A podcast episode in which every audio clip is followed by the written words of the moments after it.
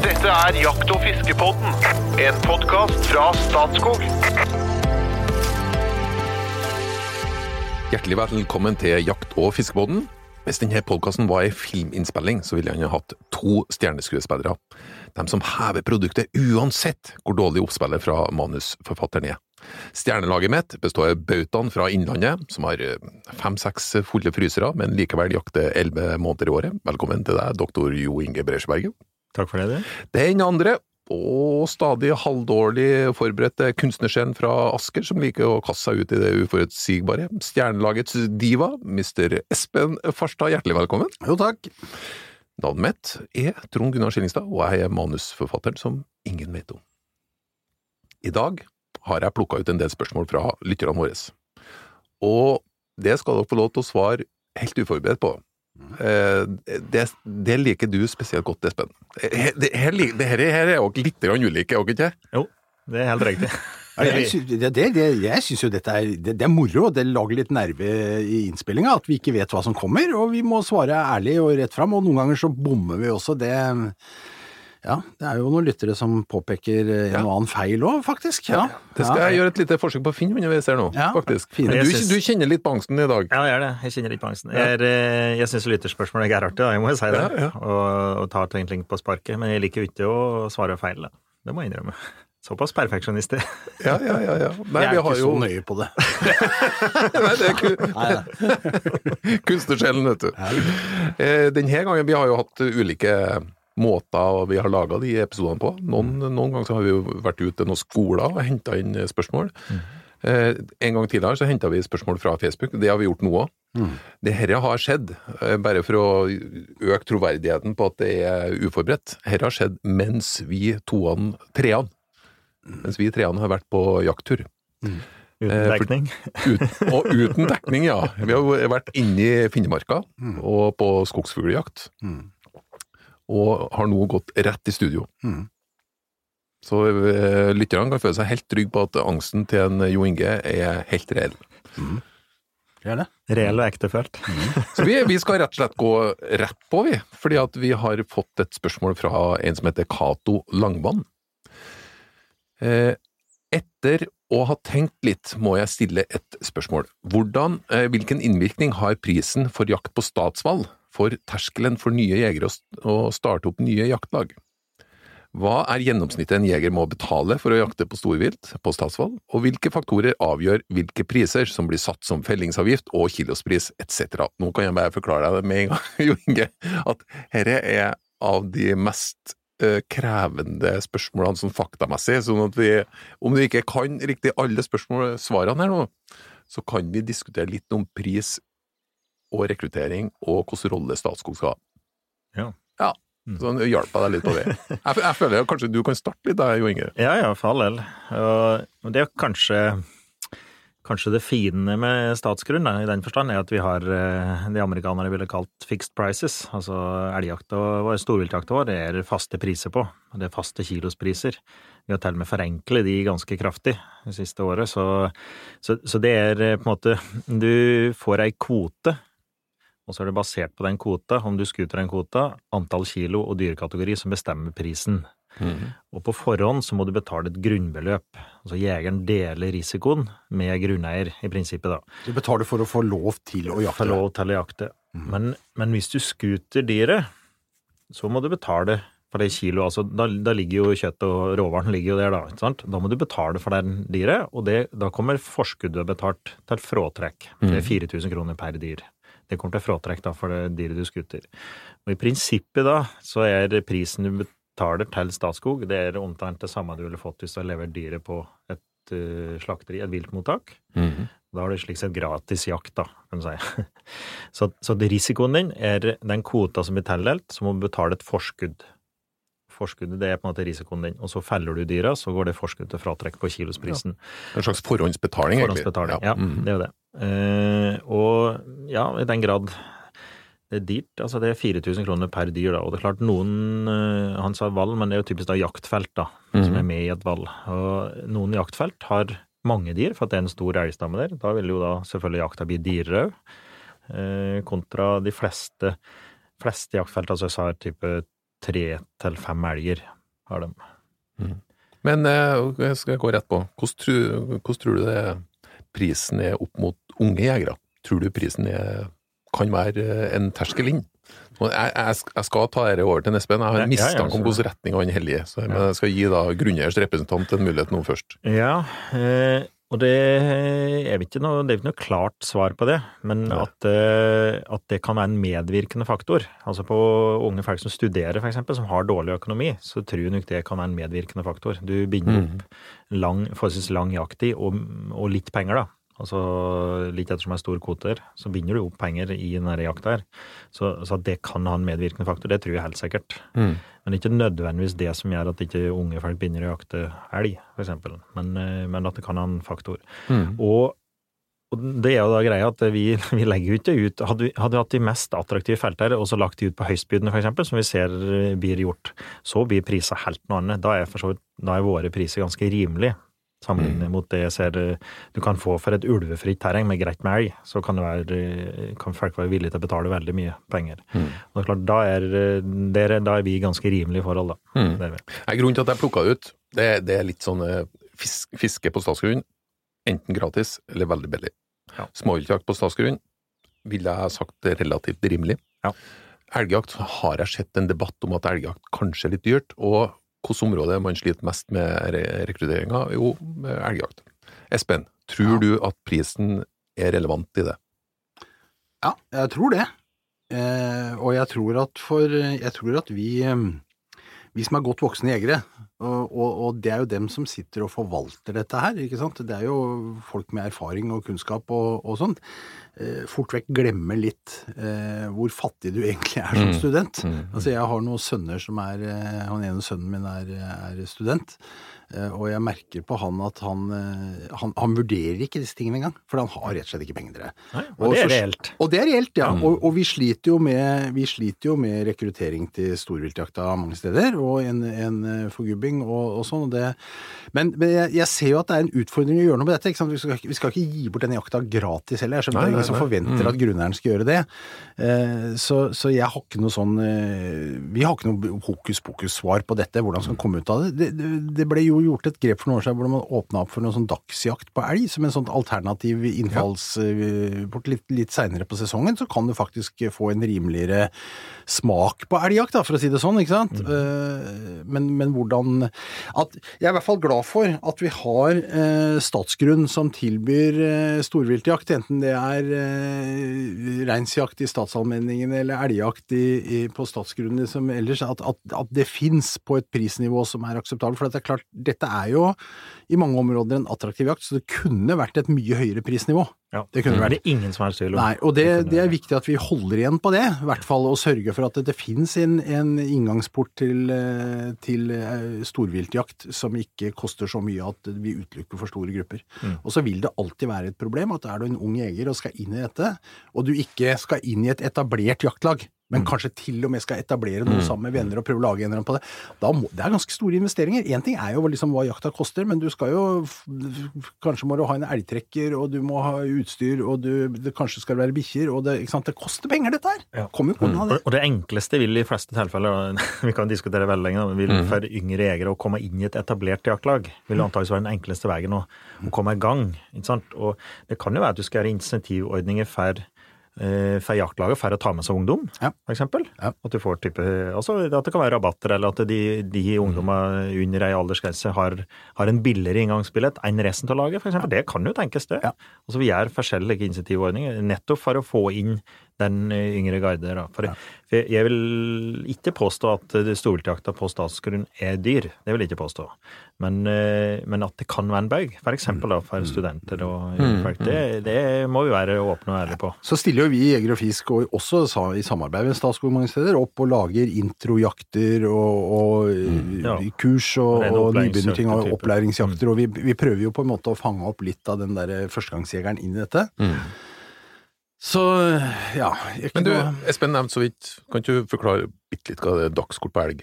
Det, det var jo eh, en tanke vi hadde for eh, ja, det begynner å bli en del år siden, da, og som ikke lå til rette i forskriften, så vi måtte få det gjennom i forskriften først, og så dro vi i gang med det. det prinsippet der er at du forenkler elgjakta. Det er restkvotejakt satt i system. Det er den siste kvota som er igjen, typisk kalver og ungdyr, som er igjen på kvota sist i sesongen, og så gir du tillatelse til å jakte i ett jaktfelt. Det kan være ganske stort. 30 40 50 100 000 dekar.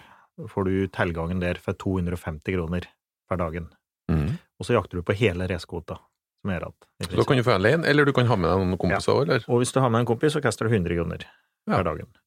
Så det er i prinsippet som et småviltkort. Og så betaler du da kilopris hvis du feller. Hvis du feller, så betaler du kilopris, Ja. selvfølgelig. Ja. Mm. Så, så det er jo en lavterskel inngangsbillett. Ja, for da slipper du òg dere Du forplikter deg ikke fire år på rad, og så Ikke videre. Ikke i hele tatt. Mm. Ikke hele sesongen. Du kan Ja. velge hvor mange dager du vil, da. Og vi legger ut det typisk for ei uke om gangen, og så kan du velge hvor mange dager du vil der, da. Ta ei langhelg eller Hva er erfaringene med dette? Jeg vil påstå jeg er udelt positiv. Mm. Eh, Alle vi prater med etterpå, er positive. Og, og vi sølger så lenge det ikke er i ulveområder. Så blir det kortet revet bort. Så vi legger ut helt til nye tilbud nå, for det, Ja. det, har, det har rett og slett bare gått i taket. Vi, har- vi har ikke skutt like kjempemye elg på det. Etter hvert, Vi har kommet opp på en terskel, liksom, ser det ut som, men eh, det er utrolig populært. Mm. I gode områder. Vi legger ut i gode områder òg. Mm. Altså, typisk bli ansett da, for å være veldig gode områder. Jeg vil bare applaudere og si at dette er, dette er bra tiltak. Dette er Mm. fint, og det er en, må, en måte å, å, å myke opp litt på. Mm. Samt, også samtidig altså, sikrer du en kontinuitet i elgforvaltninga, for du har jo fremdeles noen lag som, som egentlig forvalter grunnstammen her på en måte i et litt lengre perspektiv, samtidig som man kan åpne opp i andre enden for litt løsere elgjakt. mm. Dette høres bra ut. Men øh, og jeg må jo berømme Cato, for det er et kjempebra spørsmål. Og vi ser jo utviklinga, eksempel bare i naboland, da, som, øh, som det blir lagt opp til at jakta på statsgrunn eller lignende skal legges ut av høystbydende. Det er ikke rekrutteringsfremmende. Nei, Det- Skutt Nei. prisa i vi været, skal ikke dit. Skal ikke dit. Nei, ikke nei. og det ender opp med at det blir gutteklubber eller folk med veldig god råd som, som leier den jakta her, og det skaper bare jaktmotstand i det store bildet. Der er det litt enkelt for oss i Statskog, vet du. Vi har ikke lov til å gjøre det, vi. Nei, det er jo for så vidt enkelt. Det er kjempefint. Men, eh, men, men det Så- ville være diskusjoner rundt omkring, da. Og du skal ikke mene til nabolandene våre før det er normalen. Mm.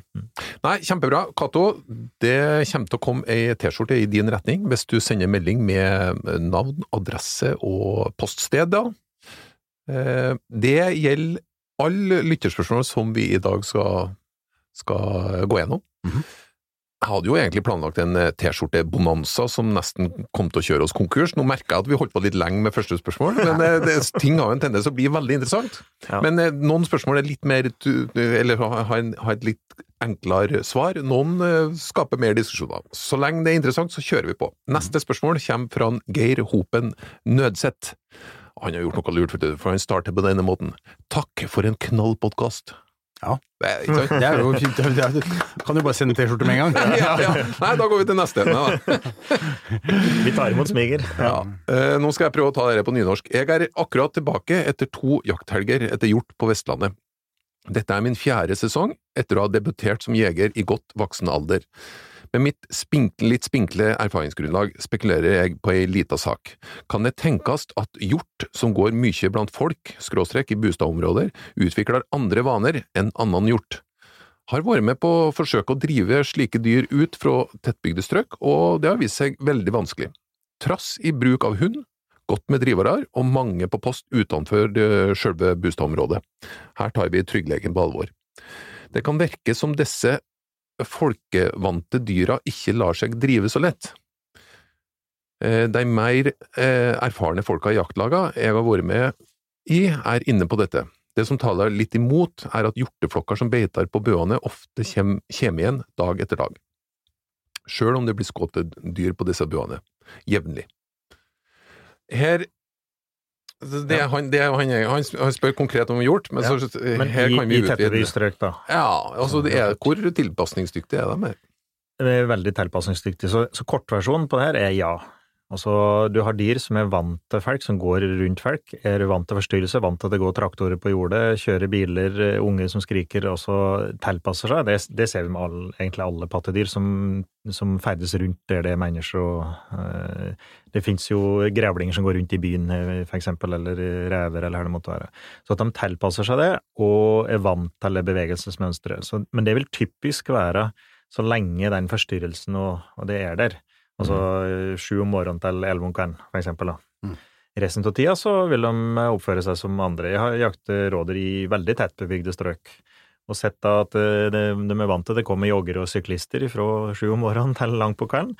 I bukkejakta da kunne de stå helt rolig ved langs en tursti, liksom, mens kommer du da typisk bukkejakta for fire om morgenen, da er de like ville som, som andre.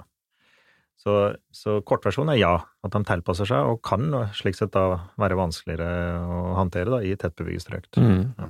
Noe du kjenner deg igjen på, Ja, ja, rådyr? veldig, veldig, veldig. Jeg, er, jeg, har, eh, jeg har hytte på en øy i Oslofjorden som heter Brønnøya, som er en bilfri øy. Eh, Her er det bare hytter og hus. Eh, Ingen jakt, men Matt tar rådyr. Og de rådyra er virkelig altså, det, er- ikke langt fra at du kan strekke ut armen og klappe på dem. Altså. Det er virkelig Og så stikker jeg derfra da en lørdag og, og, og drar på jakt eh, en halvtimes bilkjøring unna, ikke sant, inn i skauen. Og det er jo noe helt andre dyr. Det er noe helt annet, det kan ikke sammenlignes. Så, så det at svaret er ja på dette, er jeg ikke i tvil om. Og det, og det vil jo folk se, da. ikke sant? De får rådyra inn i hagen på vinterstid, går og eter stemorsblomster og et amme som nesten kan klappe dem, ikke sant? Og kan jo ikke skjønne at det er noe kunststykke å jakte på seg her. Nei. Og det er jo samme dyret, da, Ja. ofte. ikke sant? Ja. Ja. Det er kjempebra. Ja. Geir Hopen Nødseth, eh, navn og nummer på melding, så kommer det T-skjorte til deg òg. Det kommer det også til å gjøre til Torgeir eh, Mjellekås. Han har sett en del filming av toppjakt på storfugl, og han synes det ser magisk ut, men han undrer seg litt over at en del av skuddene som blir løst med rifle ja, altså, han, han, han, undrer seg litt over at det løses skudd med rifle mot toppen av trær, da Mm. eh, med tanke på sikker bakgrunn, som man er så vant til å tenke med på annen type jakt. Hvordan i all verden er det mulig å skjøte med rifle på toppen av trær? Ja, Ja. vær så god. Og, og, jeg vet ikke om jeg skal begynne, men det, jo, det var jo en hel del av diskusjonen når vi fikk lært dette her, at i 93 så ble det åpnet for toppjakt tilbake i, Norge. Eh, det var en hel del av diskusjonen. Her gjør du da med kule på avveie. Og det er jegerens ansvar. Du skal forvisse om at det ikke er hus i bakgrunnen der når du skuter der. For det ei kule da på avveie, når du skuter mot toppen, den vil gå veldig langt før du går ned igjen. Mm. Det vil jo ha krum bane når du kommer ned igjen og mister farten før du går ned. Så vi skal ikke overdrive faren med det. Men det er, det er jegerens ansvar, altså. Og når vi var på skogsjakt nå i, i Finnmarka og satt i et veldig fint område, var i et vinterbeiteområde, hadde du sendt kuler utover der, så hadde du sendt inn i et tettbebygd strøk. Mm. så. Så det, det, det er no go. Det, kan- det kan du ikke gjøre. altså. Du må ha sikker bakgrunn. Og mye av den toppjakta som foregår, altså når jeg reiser i Nord-Sverige eller til og med i Finland på toppjakt, så er det, så er det øde områder uten eh, veldig mye bebyggelse, da. Altså i områder der det ikke er noe fare når kula går ned, at ikke verken folk eller fe eller eh, hus eller noen ting. Men det er Mm. fortsatt mitt eh, ansvar å følge opp det, da. Vite at det ikke sender kul inn i, inn i boligstrøk, da. Mm. Ja, jeg har ikke så mye å føye til på det. Altså, det, er, jo- det er jo helt riktig som Inge sier. Og det er klart det er enkelte områder hvor man eh, kunne vært frista til å gå på toppjakt, eh, men hvor du ikke kan jakte, rett og slett. Fordi-. Nei, som, som ikke går an å, å bruke til det. Men, det må du mens forvisse deg om på eh, forhånd. Innover i traktene der hvor du bor, og litt oppi i Indre Hedmark oppi der, sånn, så er det jo områder som er vidstrakte nok til at du kan bedrive denne type jakt også. Men uh, Finnemarka, som vi har snakka om, som vi har vært i, altså, med, med liksom Drammensregionen og alt det som altså Samme hvilken vei du skyter, så vil du på en måte nesten treffe bebyggelse. Så der vil jeg Og, og vi må huske på at kulene her går langt, da. Ja, skuter typisk med Nei, men eh, skuter du med litt finkalibre rifleskjerm med lett kule, så kan det gå to-tre kilometer før den detter ned igjen. Det er fryktelig, fryktelig langt. Mm. Og jeg har ei historie fra Finland for ikke så veldig mange år tilbake. Det var to brødre som jakter med, med treskjeller, på, typisk på topp, da. Altså, det var Mhm. var tappjakt, men de brukte treskjellere. Så satt han ene og hvilte over bålet. Så skjøt bror hans på en tiur, og traff, traff han da i øyet når han satt og bålet. Ja. Og sjansen for å få til det i øde skog i Finland, altså i Nord-Finland, det er slik dere nesten forget det var sant. Mm, mm. Men det var eneste skuddet som var avfyrt der. Og kula var jo å få tak i, da, så det var jo mulig å få den tilbake til det våpenet som var avfyrt. Eh, Så, så det kan jo skje, men vi skal ikke overdrive den. da. Så at det er, eh, det er faktisk har skjedd ulykker. da. Men det er jo bra at uh, Torgeir har gjort seg en sånn refleksjon. Ja, for det, det er det. dette er jo Ja. Og apropos det, eh, Torgeir, T-skjorte, send eh, navn og nummer til oss. For Elise Arnesen, det, for det, det har jeg òg lura litt på. Altså, når, da vi var nå inne i Finnmarka, Mhm. så gikk jeg og spurte dere litt sånn om hvordan terrenget her, og hvordan, hva er mest egna for eh, tiur, orrfugl og sånn. Og så lurer jeg på hvor sitter de hen? Sitter de på bakkene, er de oppi trær? Altså, hvor er de? Og så hører jeg om toppjakt, men ingen, det finnes jo ikke fugl på topp nå. Elise spør, kan dere snakke litt om hvor fuglene sitter i forhold til vær og måned? Skjønner at det er variasjoner, men undrer ofte over, når, over det når jeg jakter. Mm. Og, men hun er også Hvor trives rypa på det første snøfallet i oktober? da, Hun er veldig spesifikk på det. Hvor, hvor eh, Ja. Får jeg begynne her nå, da? Så jo ingen så kan du få fylle ut med rype og dette som du kan etterpå, for det er så skogsfugl, da. Så, så er jo eh, regelen at, at fuglen eh, den søker mat og ly. Det er på en måte de to indikatorer som skal være på plass. basale behovene. Ja, det er basalbehov. Den, den må spise, eh, og den må eh, kunne skjule seg og gjemme seg. Den kan ikke eksponere seg for mye, så blir den tatt av hønsehauk eller en rev eller hva det er, ikke sant? så den må på en måte passe på hele tida. Den går jo rundt, det er jo et liv i redsel, rett og slett. ja, ja. Er Skrekkregime. sult- redsel. Ja. Eh, og 10. september, da, når eh, skogsfugljakta starter, så er jo skogsfuglen i utgangspunktet nede og beiter. Mhm. Eh, og du vil finne den eh, på bakken der hvor det er bær, det er liksom utgangspunktet det beste. Kanskje litt sånn urter og sånne ting også tidlig, kanskje spesielt kyllingene, men, men bær er liksom en sånn nøkkelindikator. Så på den tida av året så finner du fuglen i bærområdene, spesielt om morgenen og om kvelden. Midt på dagen så kan de eh, ta en liten pause og trekke litt opp i trærne, bli litt borte, rett og slett, for oss som jakter. Men, men der, der finner du fuglen.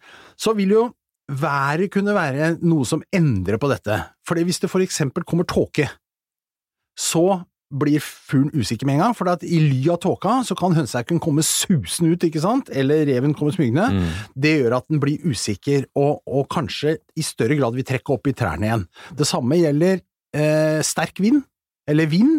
Okay. Da, da kan det begynner å suse og knake i skogen, ikke sant. Fuglen blir usikker, eh, og kan på en måte gi avkall på beitinga og søke sikkerhet.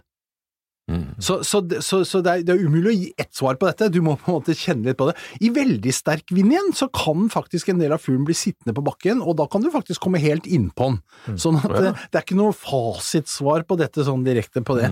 Litt utover i sesongen så skjer det, så skjer det ting, for eksempel så får vi lauvfall. Typisk på sånn eh, oktobertida, ikke sant, i hvert fall her nede. Oktober-november, og da rasler det i skogen hele tida. Det faller løv fra trærne. Fuglen blir igjen usikker, veldig lett, stikker av fort, sitter ofte oppe i trærne. Trøkker dårlig. Ja. Ja, vanskelig å virke som er nærmest det borte. Du, du merker mindre fugl, rett og slett. Ja. Så kommer den første snøfallet. Mhm. Da blir fuglen spak. Mm. Det, og, altså, første snøfall, kom deg ut i skauen. Kom deg ut i skauen, altså. Da åpner det seg et veldig vindu, ikke sant. Her er en mulighet.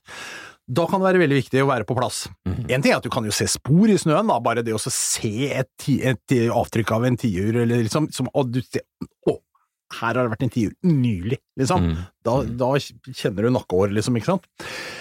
Så, så det er, og så, og så trekker jo fuglen mer og mer opp i trærne da, etter hvert som det legger seg snø på bakken, for da blir jo bæra blir borte, og det blir snødekt på marken, og den begynner å beite i trærne og høyere opp, og så ender den på topp da, i de snørike eh, ukene rett oppunder jul hos oss, før, før jakta blir avslutta. Mm. Men vær, vind, føre Det er umulig å gi et enkelt svar på dette her, Mm. eh, Og det, og, det vil, Det- og det vil være store forskjell på hvor du er i landet, ikke sant. Altså, her tid høsten kommer, her tid lauvfallet kommer, her tid snøen kommer. Mm. Så er det tider de begynner å beite furubar allerede i midten på oktober, kan gjøre. Og så gå gomle på det hele men hvorfor setter de seg helt på toppen? Nei, Nei, det er eh, typisk en for å unngå å bli predatert, da. Ja. Så, så Du tror at de var veldig synlige, da? ja, men da ser de alle fiender òg. Ja. Du kommer jo som en rev, kom, har jo ikke sjans til å komme inn på den fjellene Mm. som sitter i teppen. Og en Mm. kongeørn eller hønsehauk har jo ikke sjans. Den blir oppdaget lenge før den Mm. kommer inn på. Og så sitter de som regel flere òg. Har det noe med kamuflasjen? Du sa kanskje det? Mot snø? Ja, men altså, En tiur er jo ikke kamuflert mot snø. Ikke i det hele tatt. Nei, snarere det er tvert nettopp. om. derfor går opp, da.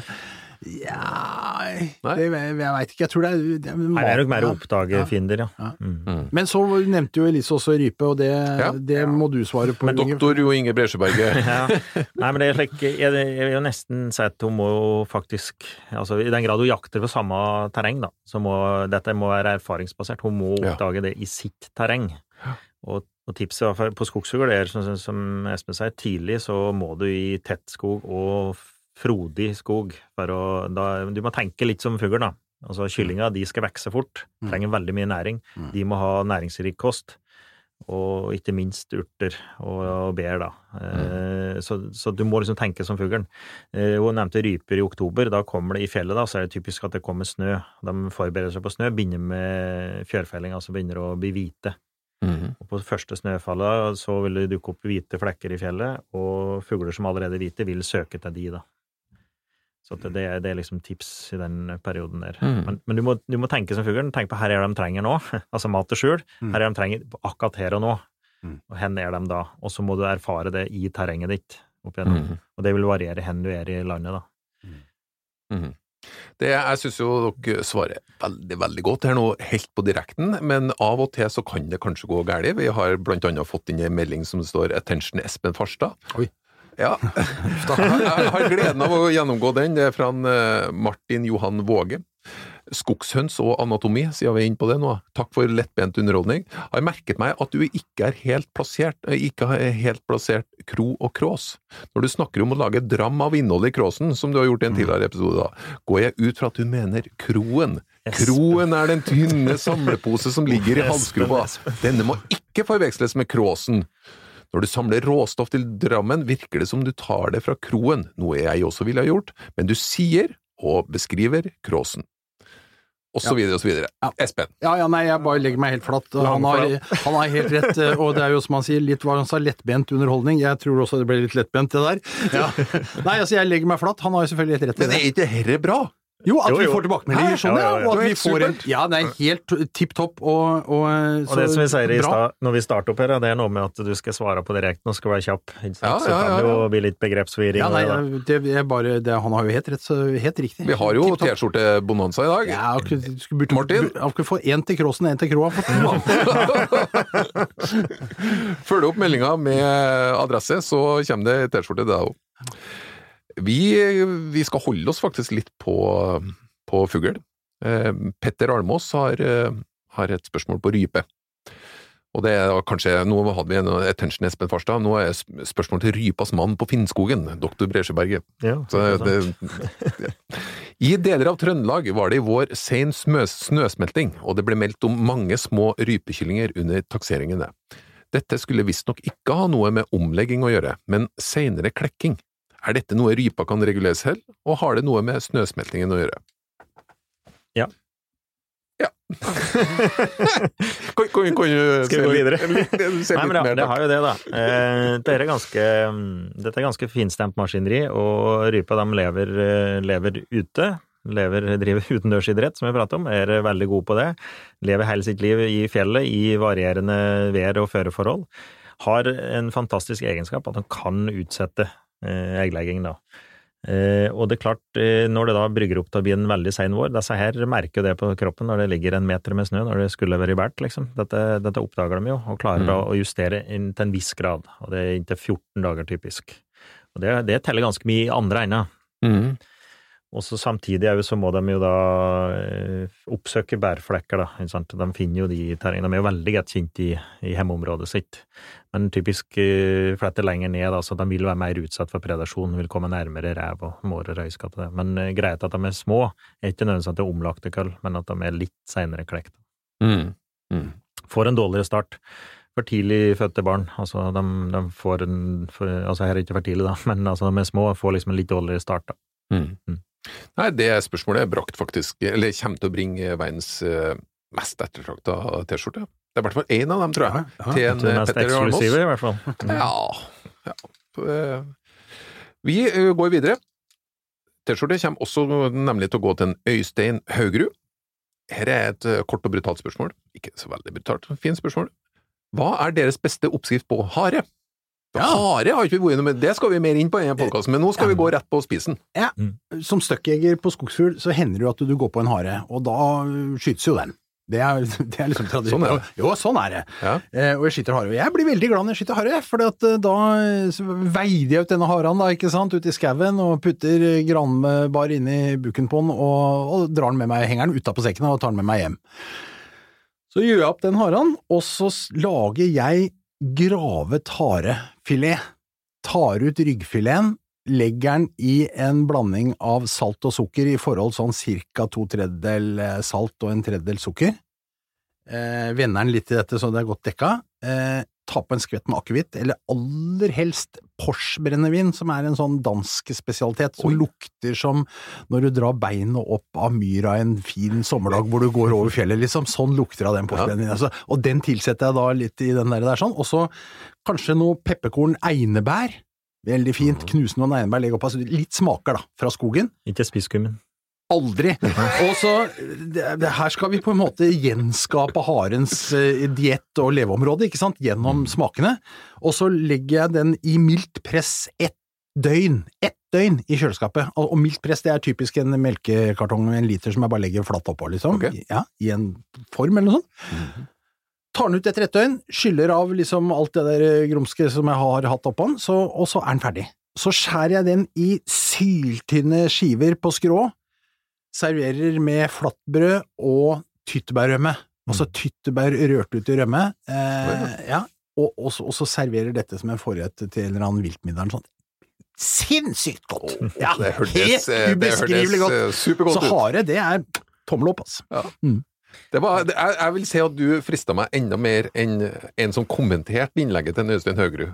Vet du hva han svarte? Det var en Terje Sørli. Lapskaus. jeg holder en knapp på din løsning, Espen? Ja, man skal ikke kimse det. Her, her er jo, det er jo som med viltkjøtt, det kan jo brukes til alt. Det er magert kjøtt, eh, veldig smakfullt. Det er jo ikke veldig mye kjøtt på den her, det er mye bein, men, eh, men kan brukes til alt. Og, eh, og herregryte, det syns jeg er veldig godt, da. Så, så du kan koke den. Ja, ja, ja, ja. Men, men du kan bruke det alt. Du kan bruke som i, i altså kjøttdeig eller her det måtte være. altså Hvis du må det, har mye herre, så, så kan den brukes til alt annet du kan bruke vilt. Den dagen jeg har så mye hare at jeg lager harekjøttdeig en annen, det, det, det tror jeg ligger langt fram, altså. Nei, Det kommer på mange skuter, Espen. Ok, vi glir videre. Nå må jeg minne dere om på forhånd at uh, her må vi holde framdrift på det spørsmålet. For at nå vi kunne, Det blir egne episoder på det. Emil Kulstavik skal nemlig få et T-skjorte på grunnlag av følgende spørsmål. Hva tror panelet om et eventuelt blyforbud? Betyr det slutten på 6,5 ganger 550 med tanke på kulevekt og anslagsenergi?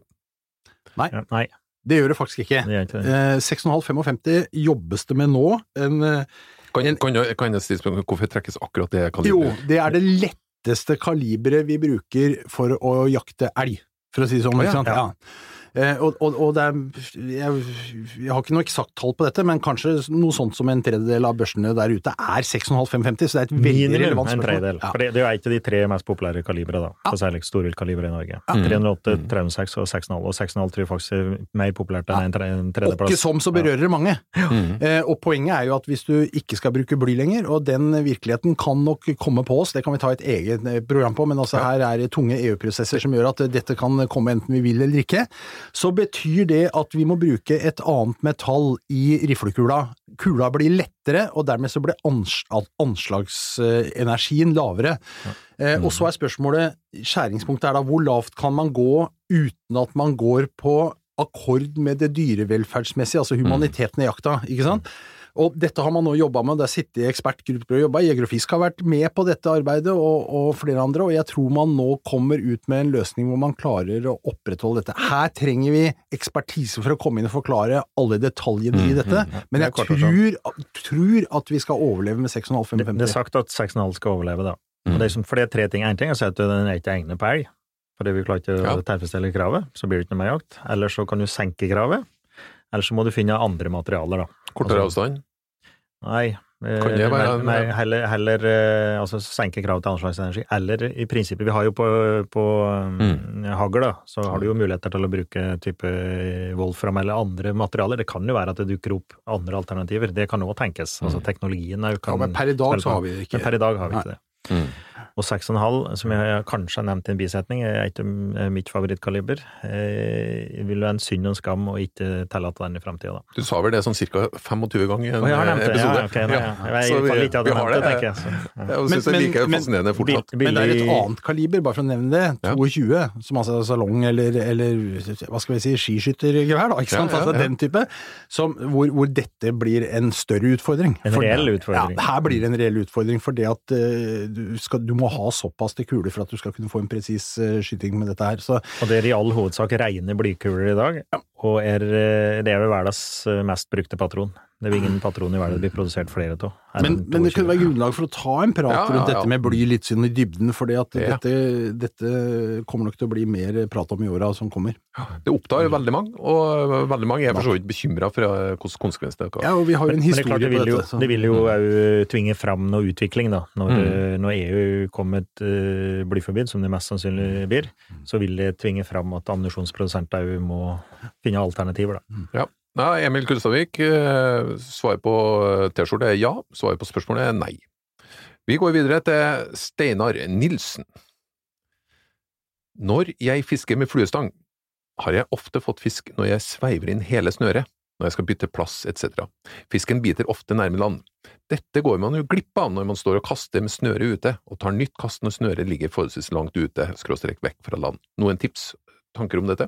Jeg tror kanskje at jeg skal utfordre deg med en gang, jeg, Espen. Ja, men altså, dette, er, dette er et bra spørsmål, Steinar, for dette er helt riktig. Det er jo, men det spiller tilbake på deg sjøl, for du må skjerpe deg og dra helt inn. Det veit alle som fisker, at fisken ofte følger etter og lurer på om den skal ta, og så nærmer den seg land, og da skjønner fisken at hvis ikke jeg agerer nå og angriper, så blir dette borte. Sånn at det alle kjenner seg igjen det som Steinar sier, når du drar opp og skal, du tar et siste kast, og så skal du bare dra opp, og så får du fisk! Ikke sant? Helt Ja, ja. inn i land. Eller at fisken eter, at den ikke tar det. da. Ikke sant, Det er jo at du ser virvelen, at det snur seg der ute, ja. snur seg like Så, så dette, du må slutte å kaste med ti meters snørestart, du må dra helt inn, og så må du heller, eh, i hvert fall sånn hvis du står og fisker i et vann, da, det er klart hvis du fisker en elv og du veit at du egentlig skal fiske på andre sida, så blir det litt annerledes.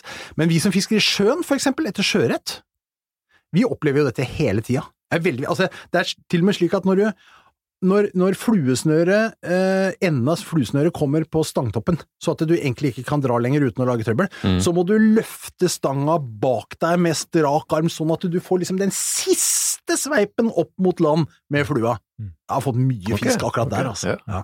Så, det, så fisk helt inn, må du gjøre. Ja.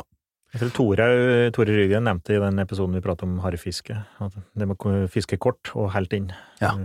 Mm. Stemmer det. Ok, vi glir videre. Hardi Shahab har kommet med to spørsmål. Lage bål når vinden er feil på post, elg gjort eller ikke? Altså, lage bål når vinden er feil på post, eller ikke lage bål? Mm. Mm. Jeg ville ha tenkt eh, nei, ikke lag bål, men det er ikke sikkert de blir- blir forstyrra av båldrøyk og Det er, eh, vi er jo ikke helt sikre, men, eh, men det er veldig mye som tyder på at det, at det ikke har noen ting å si. Altså, det er jo fyrt bål på post i lange tider, og det har vært noen lange drev. Svensker er veldig gode på det, å sitte på drev hele dagen. Og kjedelig. Men, og fire bål. Eh, Og elgen kommer, for eksempel, og blir skutt i. Så at å si, si en ting at dette her er ugunstig, det vet jeg, og bålreiken vil jo kunne kamuflere reiken, eller lufta av det. Mm. Eh, og de er jo for så vidt da tilpasset skogbrann, altså de nederver at det skogbrann ville kunne være å være bålreik. Så det ser ikke ut som det skremmer dem, da. Det gjør det ikke. Men å bare si at det er helt eh, utelukket at det kan skremme, det kan det ikke. Men eh, jeg, jeg vil i utgangspunktet sagt at det her er ok. Men det bråker. Ja, det bråker. Og det er irriterende, det er grunnen til at jeg ikke gjør det. Altså, for Ja. at jeg, jeg vil høre, ikke sant, når jeg sitter Mm. på post. Og det er klart, hvis du da kommer på post og begynner å hogge ved og klive ved og, og bråke med det, så, så ville jeg sagt nei. Da måtte du ha med deg veden i så fall, da. Så det er grunnen til at jeg ikke gjør det. Mm. For det bråker. Men Men reiken ser ikke ut bål er som jo- Bål er jo det ultimate kosen, da. Men eh, ok, nummer to. Skjære vekk ødelagt kjøtt. Før mørning eller etter mørning? Ja, det er litt begge deler. Altså, jeg åpner opp og lufter ut mest mulig, og så tar jeg vekk det verste. Skuddkanalen og Skuddkanalen. Da, tar jeg, da skeier jeg bort det verste før jeg mørner. Mm. Åpner opp bogen og får lufting i bogen, i nakken og i skrevet, og skjærer bort det verste rundt sårkanalen. Tar unna. Eh, Hvorfor eh, eh, Mener du det er lurt, eller er det en vane? Nei, altså, vi trenger ikke mørne og ha med det, det kjøttet videre. Det skal jo ikke gi noen, det skal ikke kjøttkanna likevel. Og så kan det jo være litt obs på at det vil være blyrester her, da. Så det ikke bare fôrer det til bikkja, for eksempel. Ja. Så du Så skjærer det vekk. Ja, for sikkerhets skyld, få det bort. Ja. Jeg skal ikke ete det likevel. Mm, mm. Nei, kjempebra. Eh, Hardy, eh, send eh, navn og nummer til Jakt- og fiskebåten på Messenger, så kommer det ei T-skjorte. Skal vi se, nå skal vi gli videre til en som heter Mathias Brennhaug. Han stiller følgende spørsmål. Burde det bli jaktprøve og oppskyting på småvilt på lik linje som storvilt? Ja, det, det er et godt spørsmål, det Ja. også, Mathias. Det er det. det, er, det er, og det Vi har hørt diskuteres eh, spørsmålet før. diskuteres flittig, ikke minst. Ja, altså, det diskuteres i jegerkretser, og det syns jeg er det, i hvert fall det interessante, at den viktigste debatten her, den går jegere imellom. Uh, og mange mener jo det at vi burde det. Um, Jegerprøven, slik du tar den i dag, det er jo en teoretisk prøve. ikke sant? Du er så vidt på skytebanen og får ta i et våpen. Det er jo ikke noe krav til småviltjegeren om skytekompetanse, egentlig. Eh, annet enn et moralsk ansvar for å vite hva du gjør når du går ut i skogen. Men så vi, vi må også realitetsorientere her. Vi har ikke banekapasitet til å kunne gjennomføre noe slikt i dag. Det er en av de hovedgrunnene, rett og slett. Ja. Det er ikke baner rundt omkring. Altså, bare tenk det er mange byer som har vanskelig tilgjengelige baner. Vi har store problemer med å håndtere eh, det nivået vi er på i dag mange steder. Mm. Så kan du godt si at det er jo ikke noe god nok grunn til å ikke stille sånn, men altså, ja, vi- vi må jo også være praktisk orientert her, hvis Ja. vi skulle innføre noe sånt. Eh, og så hadde vi jo diskusjoner rundt dette om liksom, hvor mye må du trene for å bli god, da? Eh, ja, vi, vi skal aldri prate ned trening, for det, all trening er jo av det gode, det kan det ikke være noe tvil om. Men, men eh, ja, her er det mye vi ikke veit, rett og slett. Nei, Igjen så hører jeg at uh, en lang og god diskusjon i en egen episode kan kanskje være uh, egnelig. Ja. Nei, vi går videre. Ronja Vil Villmannsøyen. Se, det er, ja, det er et spørsmål. De fleste jakthistorier ender i suksess. Har dere, og vil dere, ikke minst da, dele noen historier der jakten absolutt ikke gikk som planlagt? Tør dere det, eller er prestisjen i dette rommet for stor? Nei, altså, det, er jo, det er jo flertallet av de turene vi er på, er jo bomturer. Altså, ja, det er ikke reint sjelden, det. Altså, jeg kommer jeg har, den, La meg fortelle om min egen jakthøst nå, da. Jeg tok med meg noen kamerater og dro over til Vestlandet og skulle jakte hjort. Vi så ikke snurten av en hjort på tre regntunge, regnfylte dager. Vi følte oss som skikkelig østlandsamatører i vestlandsterreng, og det var i det hele tatt en bomtur. Kasta bort dyrebare feriedager og jaktdager på et terreng som vi kanskje ikke burde vært i. Tilsvarende så var jeg inne i, etter anbefaling fra Mr. Breisjeberget, at i år burde jeg prøve meg i Trysil på Skogsfuglsand. Vi vi så to århanar på ei uke! Så nei, det er eh, det, det er lov til. Ja. Men hun var kanskje mer ute etter at vi liksom hadde gjort noe feil Ja. under jakta, da. Ja, da Jeg kan- Jeg, jeg kan- jeg vet jo noe om Jo Inge, så jeg er litt spent nå. La oss- få høre det, da. Ja, nei, nei, det er mange nok dårlige historier. Men jeg, jeg kan ta ei historie det var, eh, som var ubehagelig for meg sjøl, i hvert fall. Det var eh, Jeg var på skogsfugljakt oppe i Nord-Sverige, og jeg går da med en snyltekopp, hvis ikke jeg nevnte det, i, i eh, lårlomma, og drakk jevnt og trutt, og gikk og jakte fugl. Og så var det lemenår og museår, og det var flust i de her. Og så ble det dårlig. Og gud hjelpe meg hvor dårlig det ble. Altså, type, det var jo Det var tett på jeg burde være på sjukehus da. Det var, jeg fikk voldsom feber, kastet opp og ble sengeliggende. Nå skal jeg jakte i seks dager. Ble sengeliggende i tre døgn. Og var helt, helt fjern. Og ikke, kunne ikke gjøre noen tingen. Og det er slik dere Jeg tror jo da at jeg fikk eh, type for eksempel eh, altså, mm, Folk kan jo få harepest, musepest, altså at jeg ble infisert av vannet, tror jeg rett og slett. Jeg har ikke fått det etterpå, ikke før, men det var ekstremt ubehagelig. Eh, og jeg kunne ikke flytta meg, eller jeg kunne ikke reise noe sted, så hvis jeg skulle ha fått gjort noe mer, så måtte jeg på en sykebil, rett og slett. Voldsom feber og, og hallusinerte og ble helt, helt fjern. Og det kan jeg ikke anbefale noen. Nei. Så etter det har jeg blitt litt mer, litt mer skeptisk enn jeg Drecker, da. Du har vel strengt tatt ikke helt kommer deg helt? Nei, ja, men, Nei, men du, jeg har faktisk Jeg har jo, jeg har jo noen liksom vonde historier òg, hvis jeg skal være helt ærlig på det. Så har jeg altså beste, beste jaktkompisen min opp gjennom åra, vi jakter eh, støkk eh, sammen. Eh, Vi er ekstremt nøye på hvor vi er og i forhold til Det har aldri vært noen sånn farlige situasjoner, men en gang så presterte vi faktisk å misforstå hverandre, begge to, som endte i at han skøyt på meg. Mm. Riktignok på sikkert godt vel 100 meter, så det var ikke noe sånn direkte eh, livsfare, men, men da var den dagen ødelagt, altså. Da dro vi hjem. Da orka vi ikke være der lenger. Og vi Mm. tok eh, Det var delt skyld, altså. Vi hadde misforstått hva vi skulle gjøre, liksom, og så blei det skudd mot hverandre. Gud hjelpe meg, for en forferdelig opplevelse, altså. Så, så det, er, det er en svart dag i skogen. Skal aldri gjenta seg. Eller, ja. Nei, vi har historien nok, så vi kunne sett det hele dagen, tror jeg. Jeg lurer på om vi legger den død. Så du stopper med den brettekoppen, altså? Ja, jeg gjør det. Ja, ok. Du får eventuelt ringe til meg, da, så kan jeg gi det i personlig melding. Ja da. Nei, vi, vi holder på å nærme oss slutten nå. Eh, Men Svein Are Løkken, hei. For to år siden var jeg så heldig å få skyte min første gammeltiur. Eh, Når jeg har passert dette stedet i ettertid, har jeg flere ganger tatt opp tiur innenfor en radius på 30–40 meter rundt der den satt. Har hørt om dette før, at man ofte kan treffe på fugl på de samme områdene, men hva er det som gjør at de gjerne vender tilbake til akkurat disse stedene, ofte innenfor en dekar, og vil sitte der? For meg kan det se likt ut på den andre siden av myra, eller lengre opp eller ned i lia. Har ikke spesielt mye fugl i området det det er snakk om. Det, dette, er, dette, er, dette er interessant, for det Ja, Det, det kunne vi prate lenge om. Ja. Og det, det kan være to årsaker. En, en årsak, som vi har sett på rypesegger, kan være lært atferd. At eh, unge fugler lærer av voksne. At her er det Du vil være der den er. Andre er at det er en terrengfaktor. Mest sannsynlig er det en terrengfaktor. Og det kan være vanskelig å se den terrengfaktoren bare ved å sammenligne her med andre ting. Men hvis du undersøker grundig nok Amerikanere er jo ekstremt opptatt av habitat. De ville sagt det er en habitatfaktor. Eh, Mest sannsynlig er det den der terrengfaktoren. Det er et eller annet her de er ute etter. Vi må tenke som en fugl, da. Hvorfor er den der? Er det mat eller skjul som gjør at den er der? Eh, Så det er stalltipset mitt, i hvert fall. Men- det, det er en faktor der. Vi veit jo ikke noe om dette området som Svein Are prater om, annet enn at han sier at her er, det trekker til seg gammeltider, liksom, på en måte.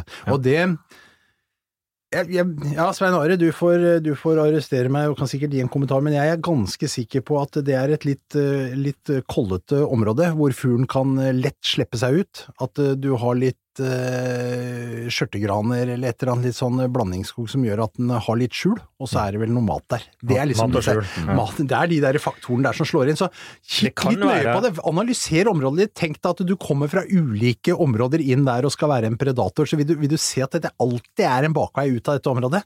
Og det minner meg litt om den der at du, du går i en elv, og så fisker du en flott ørret bak en stein. Mm. Ikke sant? Den veier én kilo, og du er sinnssykt happy, og så kommer du dagen etter, så står det pinadø en til der. Den vil jo være, For det er det er den gode terrengfaktoren. plass- det er den gode plassen, ikke Det er jo den terrengfaktoren, ikke sant. Ja. Og, og det er jo ikke lett å si at det er gammeltiur, da, når man tar opp flere tiurer der. Så om Nei. dette er ungtiur eller gammeltiur, så er det ikke nødvendigvis alltid like lett å se, da. Tiervennlig plass, Men at da. en tiurvennlig plass, ikke sant. Og det kan være at det her er nærheten av en leik òg. Altså, de vil jo være i nærheten av leiken i prinsippet hele året. Og på høsten så vil de i hvert fall være det. Så det, det kan jo være det at det er en del av leikhabitatet òg. Det, det er altså, Det vil jo alltid være tiurer der. Men jeg kan jo òg si da at eh, jeg, jeg syns jo det er artig at vi bygger veldig mye kunnskap, og så syns jeg det er fascinerende at vi stadig vekk ikke greier å over, overliste dere små skapningene med hjerne på størrelse med en ert. Nå har jeg vært med to av Norges fremste jegere, som jeg sitter nå i studio med, på skogsfugljakt. Med hund, til og med. Eh, Blodtrena hund, som de sier. ja, det var jo ikke sånn at vi, at vi trengte å bestille ekstra transport for å få med, få med maten ut igjen. Det var, det var helt greit, men eh, Det er godt at du, du ser hvor vanskelig det er. Ja, Ja. jeg, jeg syns det faktisk. Det, det, var det, det liker jeg. hører jo med til historien når vi opptrer som jaktguider, da. Eh, I Espen, med all respekt, så skal vi da la klienten få skute. Ja. Og det å stable en klient opp i en skutbar situasjon på skogsfugl i seint i oktober, som Ja. trøkker dårlig, Ja. det må inn i de som ikke har prøvd det, få prøve det. det vi, vi gir jo han sjanse på gullfat hele tida. Tre, tre, tre sjanser, vel? Minimum, da. Jeg kan jo opplyse lytterne om at dere stemmer overhodet ikke. og deres, Selv om eh, Jo Inge Bresjeberget går i sånne støvler i det øyeblikket det bikkja sto, det er ikke måte på hvor fort de støvlene går bort gjennom. Og jeg kom jo halsende etter med 180 puls. altså, og... dette blir jo så internt, men altså, hvis du bare finner ut hvor den knappen for sikringen er, du, så kanskje det løsner noe for deg også. Ja. Og Ja, ikke for, for det klart, Oi, oi, oi! det, det vil jo hjelpe så fort han begynner å skute, da. Da går vi videre, ja. Nå skal vi faktisk ta aller, aller siste spørsmål. Ja. Eh, Det er faktisk et ganske utidig spørsmål, spør du meg, men jeg skal ta det her i plenum. Kjære Alexander Bakken, du har kommet med følgende spørsmål.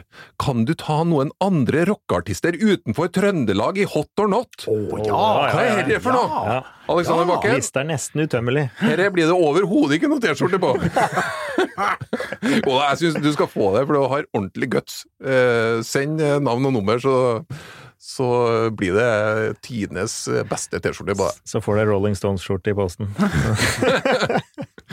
Men eh, vi skal nå se nå, for at, eh, vi går ned for landing, og vi holder på å nærme oss hot or not. Eh, Takker for følget. Følg oss gjerne på Spotify og Facebook og Instagram og overalt. Og introduser gjerne Jakt- og fiskebåten til en venn. Det er mange som fortsatt ikke har blitt avhengig av Jakt- og fiskebåten. Vi har rom for enda flere.